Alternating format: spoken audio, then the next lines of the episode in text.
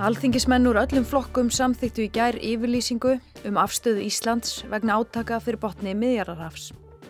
Í yfirlýsingunni segir að ántafar skuli komið á vopnallíi af mannúðarástæðum á gasasvæðinu svo tryggja megi öryggi borgara. Alþingi fordæmir öll ofbeldisverk og krefst þess að alþjóðalögum sé fyllt í einu öllu. Þá fyrir viðbóta framlag til mannúðaraðstóðar og rannsókna á brotum á alþjóðalögum. En hvernig standa Íslensk stjórnveld sig í að þrýsta á að stríð Ísraels og Palestínu taki enda? Er Ísland málsvari friðar á alþjóðavettvangi? Hvaða máli skipta alþjóðalög í þessu grimmilega stríði og af hverju tala stjórnmálamenn um mikilvægi þess að farið sé eftir þeim? Hvaða úrræði eru til að hjálpa fólki í aðstæðum sem sagðar eru eitt versta mannúar ástand í sögunni? Breytir það einhverju að setja fjármagn í mannúar aðstóð og hvaða mannúðarsamtök er þá gaglegt að styrkja. Kári Hólmar Ragnarsson er lektor í þjóðarétti við lagadeild Háskóla Íslands og hann segir okkur frá lögunum sem smíðu voru til að lámarka skadan í stríði og kerfunum sem að alþjóðarsamfélagið hefur komið sér upp til að skerast í leikin. Við sjáum þetta í átökunum bæði í Ísrael og Palestínu og í Úkrænu að það eru aðstæður þar sem að kerfið bara á ekki svar við. Lára Jónastóttir hefur árálanga reynslu af alþjóðasamskiptum og mannúðastörfum í mið Östurlandum. Hún hefur meðal annars starfað fyrir Lækna án landamæra og UNRA, flótamannahjálp Palestínu hjá saminuðu þjóðunum. Lára telur að Ísland ætti að vera róttækara í afstöðu sinni til stríðsins á alþjóða vettvangi, til dæmis við atkvæða greiðsluna á allsera þingi saminuðu þjóðana fyrir skömmu. Það er, væri alveg bara lítið mál fyrir Ísland að taka sömu afstöðu á Norrögur og það gæti tekið sterkari afstöðu ef þau myndu vilja. Þau kannski segjast af einhverja hagsmun að gæta og, og að það þarf að gæta þess að það var ráðist á Ísraela og nú þarf að gæta þess að, að þau hafa rétt til þess að verja sig. En mannúðar lög segja til um að það þarf að vera í hlutfallslegu viðbræði við árásina og það er náttúrulega laungu komið fram á því. Þetta saði Lára í gærum viðbröð íslenska stjórnvalda við stríðinu og hér er Kári Holmar. Að það þarf greinilega mati íslenska stjórnvalda eða þeirra sem fara með utrengismál að e, fylgja eitthvað svona skilirðum að, að hérna, rétt orð séu sögð og ef að einungis ef að rétt orð eru sögð þá sé hægt að kalla eftir, eftir stöðun átaka. Eins fáránlegt og það hljómar þá gilda reglur í stríði alþjóðalög um hvaða aðferðum megi beita þegar ríki ráðast hvort á annað og drepa fólk. Já, sangat alþjóðalögum gilda margskonar reglur um það hvenar uh, beiting vopnavalds er heimild og þegar hún er heimild þá gilda líka marg þetta reglur um það hvað, uh, hvernig má beita vopnavaldi. Uh, og þar er alls konar reglur um að til dæmis svona grunnreglur um að verða að gera greinamun á almennum borgurum annarsvegar og hernaðlegum skotmörkum hinsvegar en allar þessar reglur þetta ganga út frá því að það sko, það sé stríð og í grunninn er löglegt náttúrulega í stríði að, að drepa fólk. Og það, það er rauninni verið að setja okkurna svona bara lámarsreglur í alþjóðlum, það er hugmyndin að setja lámarsreglur um að, að forðast óþarfa mannfall og meðal e, almenna borgara en það sem gengi út frá það verði mannfall meðan almenna borgara. Og þessar reglur gætu skipt miklu máli um, en reyndar er verulega skortir verulega á að það sé hægt að framfylgja þeim. Uh, en það eru náttúrulega algjörður lámasreglur þannig að þegar við erum að gera þá kröfu að stríðandi aðlar hvar sem er í heiminum fylgi alþjóðalögum þá er það í rauninni til að lár þröskuldur. Það eru, eru lámarsreglur til þess að að passa þessi ekki viljandi vera að, að, að, að drepa saglust fólk. Og Lára tekur undir þessu orð Kára um lagsta þröskuldin. Ég læriði friðar átökafæraði og það er mikið færi kenningar, kenningar í, í átökum og ethics og for eða, eða siðferði í stríði og, og það, þetta, er, þetta er bara mjög vel sagt hjá honum og það er alltaf þessi svona lægsti þröskuldur sem er miða við og hvernig, hvað finnst okkur um það? Það megi bara ganga yfir eiginlega öll okkar réttindi nema bara svona, bara halda aðeins smá reysn í lokin. Og ég held að fólki sem hefur unnið á átökusvæðum, fólki sem bara elst upp og býra átakasvæðum það, það spáir ekkit sérstaklega mikið í þessum mannúðarlögum og það er raun og veru bara þegar síðasta halmstráðið komið sem að byrja að hugsa um það. En palestinum en af öllum vita mjög mikið um þetta því að þeir eru svo meðvitaður um þessa, þessar kenningar því að þeir eru ríkislausir svo margir og, og þeir sem hafa, eru flóttamenn, palestinski flóttamenn, þeir hafa ekkit ríkisfang þannig að þeir eru mjög meðvitaður um það að það vantar viðurkenningu á tilveruréttið þeirra og þar koma alþjóðalögsvöldið inn.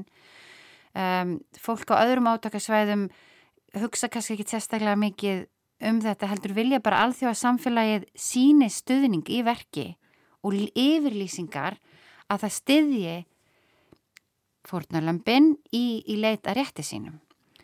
En þeir sem vinna við að, að tilkynna svona brot á mannrættindalögum og eins og misnótkun á skólum og sjúgrásum og slíkt, þeim finnst þetta að vera mikilvægt í að skrániðu söguna til að hjálpa fólki að leita rétta síns því að það þarf alltaf að vera skráð niður og til þess að, að, að Ísrael geti fengið ávítur frá samnöðu þjónum þarf alltaf að vera skráð niður en það er aldrei neitt gert. Og hvaða gagn gera þá þessi alþjóðalög um hvað megi og hvað megi ekki í stríði? Og hvernig er svo sem mannúðlegt stríð? Þetta eru í rauninni rauksendir sem að hafa verið færðar fram í tengslum við e, stríðið sem er kallað stríði gegn hriðiverkum frá e, 11. september að þar hafi þessi orðræða um að e, stríðið hafi verið háð á forsendum mannúðar, mannfall hafi verið e, lítið meðal almenna borgara og að þessi svona áhersla á að það þurfa að halda þessu löglegu og svona í samræmi við einhverjar mannúðar sjónum með hafi sko átt eitthvað þátt í því að framlengja þau átök og veita um svona þessa ásýnd lögmætis. Vegna þess að allir væri að vanda sig þá uh, væri þetta einhvern veginn lögmætt átök og það er eitthvað sambærilegt Eh, stundum í umræðum í tengslu við hernaðar aðgerið Ísraels að það eru lögfræðingar sem taka margar ákvarðanir um það hvaða skotmörk teljist hernaðalög, hvort að tilteknar árásir séu, uh, séu löglegar.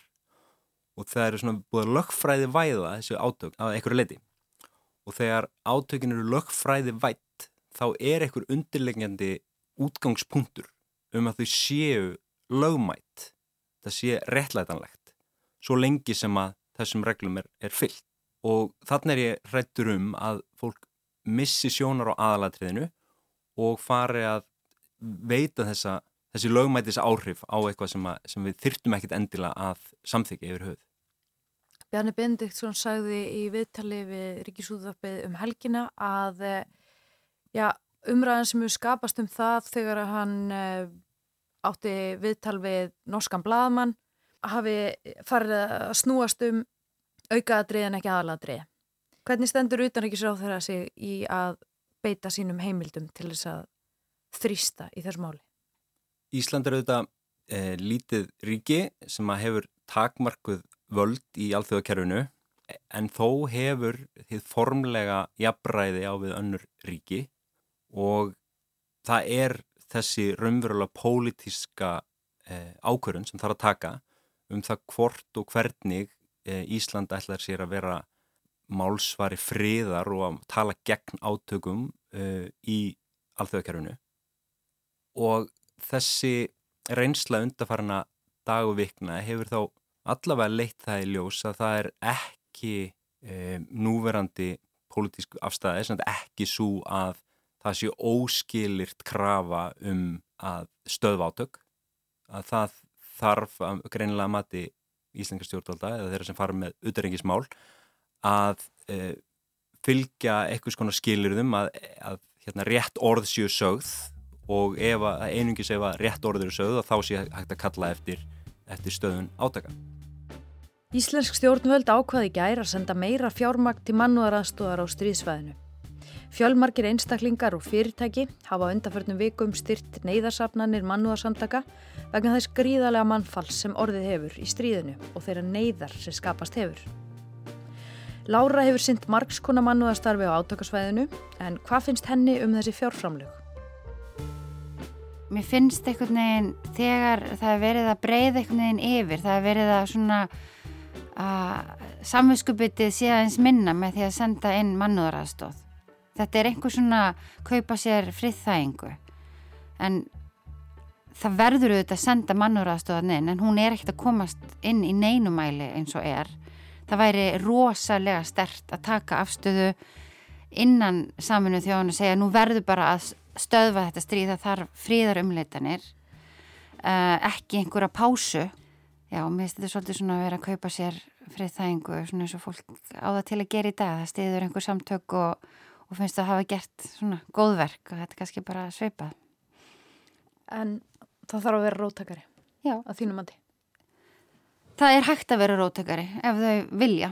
Það er, og normenn eru kannski ekki beint róttakir en þeir eru samt að taka sterkari afstöðu. Segðu mér aðeins frá starfiðinu fyrir Lækna án landamæra. Mm. Lækna án landamæra eru samtökur sem fara yfirleitt svona fyrst inn og erfið svæði og eru seinastir út þegar átökin verða hvað erfiðust. Og núna er, það bara nokkuð ljóst að við erum, getum ekki starfa lengur þannig í Palestínu og, og, og í, á Gaza og flestir uh, hafa kannski farið að vinna á öðrum sjókurásum en það sem við, við höfum verið að vinna með er auðvitað að vera hlutlaus og þá felur það oft í sér að segja nei við peningum. Því að það er rosalega erfitt að þykja fjármagn og fara svo inn og hlúa uh, fórnarlömpum stríðsins sem þetta fjármagn eiginlega uh, olli. En um leið þá eru mörg samtök innan saminuð þjóðan og sjálfstæði samtök uh, sem eru bara í fjárlögum ríkja. Og þetta bara er alveg svo á Íslandi. Þannig að þá eiga þau svolítið erfiðara með að að gaggrína yfirvöld. Þau geta raun og verið ekki gaggrínt uh, yfirvöld af því þá hefur þau kannski hægt á að missa fjármagnið á næstu fjárlögum og það er þekkt að læknar á landamæra hægt að taka móti fjármagnið frá Evrópusambandinu þegar flóttamannakrísan í Evrópu var komast því að það eru þeir sem eru pínu að valda því að flóttamenn eru að deyja á landamærunum. Ef við myndum hafa aðeins betra kerfi þar sem var hægt að koma allir ferli innan Evropasambandsins þá myndi fólk kannski degi minna mæli. En þetta er þekkt sem mann og starfsmenn þá passa maður sér rosalega á að gaggrina ekki aðilan þar sem fjármagnir kemur frá. Og þetta veldur kannski ákveðum svona gráu svæði sem við mann og starfsmenn eru mjög meðvitaðir um og mjög passamur um. Því að það er ekki mikil peningur til umræða. Þannig að ef að maður fer að að segja þetta og þetta ríki eftir að gera betur þá er bara auðvelt fyrir ríki að stiðja bara einhver önnu samtök. Og það eru til dæmis bandarist fjármænt má ekki fara í fósturöðingar það er bara þekkt innan mannúðar geiransa það er ekki settir miklu peningar frá bandaríkjumunum inn í þau verkefni þá eru þau bara fengið annar staði frá. Þannig að óbein pólitísk afskipti verða alltaf þegar fjármæki kemur? Já, það þó að þeir sem setja peningana segja að þeir mun ekki skipta sér að þá er það bara þannig að maður hugsa alltaf um næsta ár. Og meðst bara að fylgjast með hvernig saminuð þjóðnar tala núna að Guterres er mjög sterkur í því sem hann er að ræða. En á sama tíma eru formenn stopnana að lýsa yfir að þeim finnist þetta að vera þjóðarmorð og í sömu yfirlýsingu segja þeir ég veit ég mun líklega að missa vinnuna Þannig að þeir geta ekki tjáð sig og tekið afstöðu án þess að vita þegar hægt að missa vinnuna eða vera færið til í starfi. Mm. Og það er hægt að sjá það með forstuðumann skrifstofu mannreitindamála í New York. Hjá saminu þjónum hann nýlega sagði af sér í sömu auðlýsingu og hann líst yfir áhugjum sínum að þetta væri þjóðamál. Hlustendur sem ekki vita hvað er geta gert til þess að hafa áhrif og stöðva stríðið. Hvaða ráðleikingar hefur þú? Ef ég vissi svaru við þessu þá væri ég líklega að því sjálf en ég er ekkit alveg vissum að það sé svo reyn og bein leið en ég held að það virki vel að tala við sína þingmenn og ít á sinn þingflokk þar sem þú sérð fólk sem samsvar sér með þér uh, og auðvitað mæta á mótmæli og, og samstöðu fundi. Auðvitað er þetta líka bara að sína samstöðu stert og sína hugurinn er þarna. Það má styrkja samtök og fleira en, en síndu það í verki og mættu á staðin. Það er, það er gott að deila samfélagsmiðlum en það er líka bara ennþá sterkar að mæta á staðin. Nú fer maður eflaust að hugsa hvaða samtök væri sniðut að styrkja. E, er maður bara á rángri hillum eða yfir höfuð að, að vilja leggja eitthvað mörgum í svona fjáraslegum skilningi? Fyrir mér þetta ofsalega flókin spurning og ég geti bara talaði heilan þátt bara um hver, einst, hver einstaklingur ná að setja peningi sinn.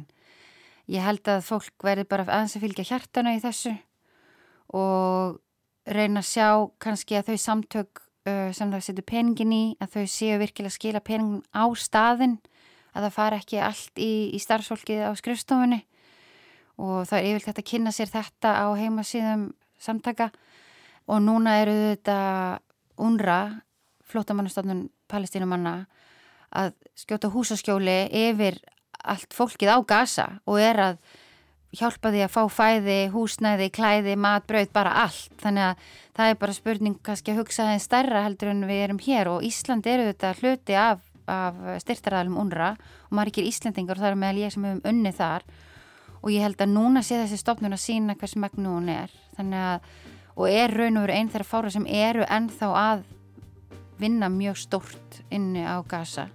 Það sjálfsögur læknar um landamæra líka að vinna þar en um, Já, þannig ég ætla ekki að segja hvert fólk á að setja peningi sinni eða orkuna en, en allavega aðeins að skoða hvort hann skila sér peningurinn. Og svona laug þessum setni þætti okkar um stríðið millir Ísraels og Palestínu. Svo fyrri var í gær og hann mann olgast í spilararúf og öllum helstu hlaðvarpsveitum. Ég heiti Þóra Tómasdóttir og við Sunna Valgerðardóttir þökkum ykkur fyrir samfélgina þessa vikuna. Þetta helst verður aftur á dagskrá á mánudag og þanga til veriði sæl.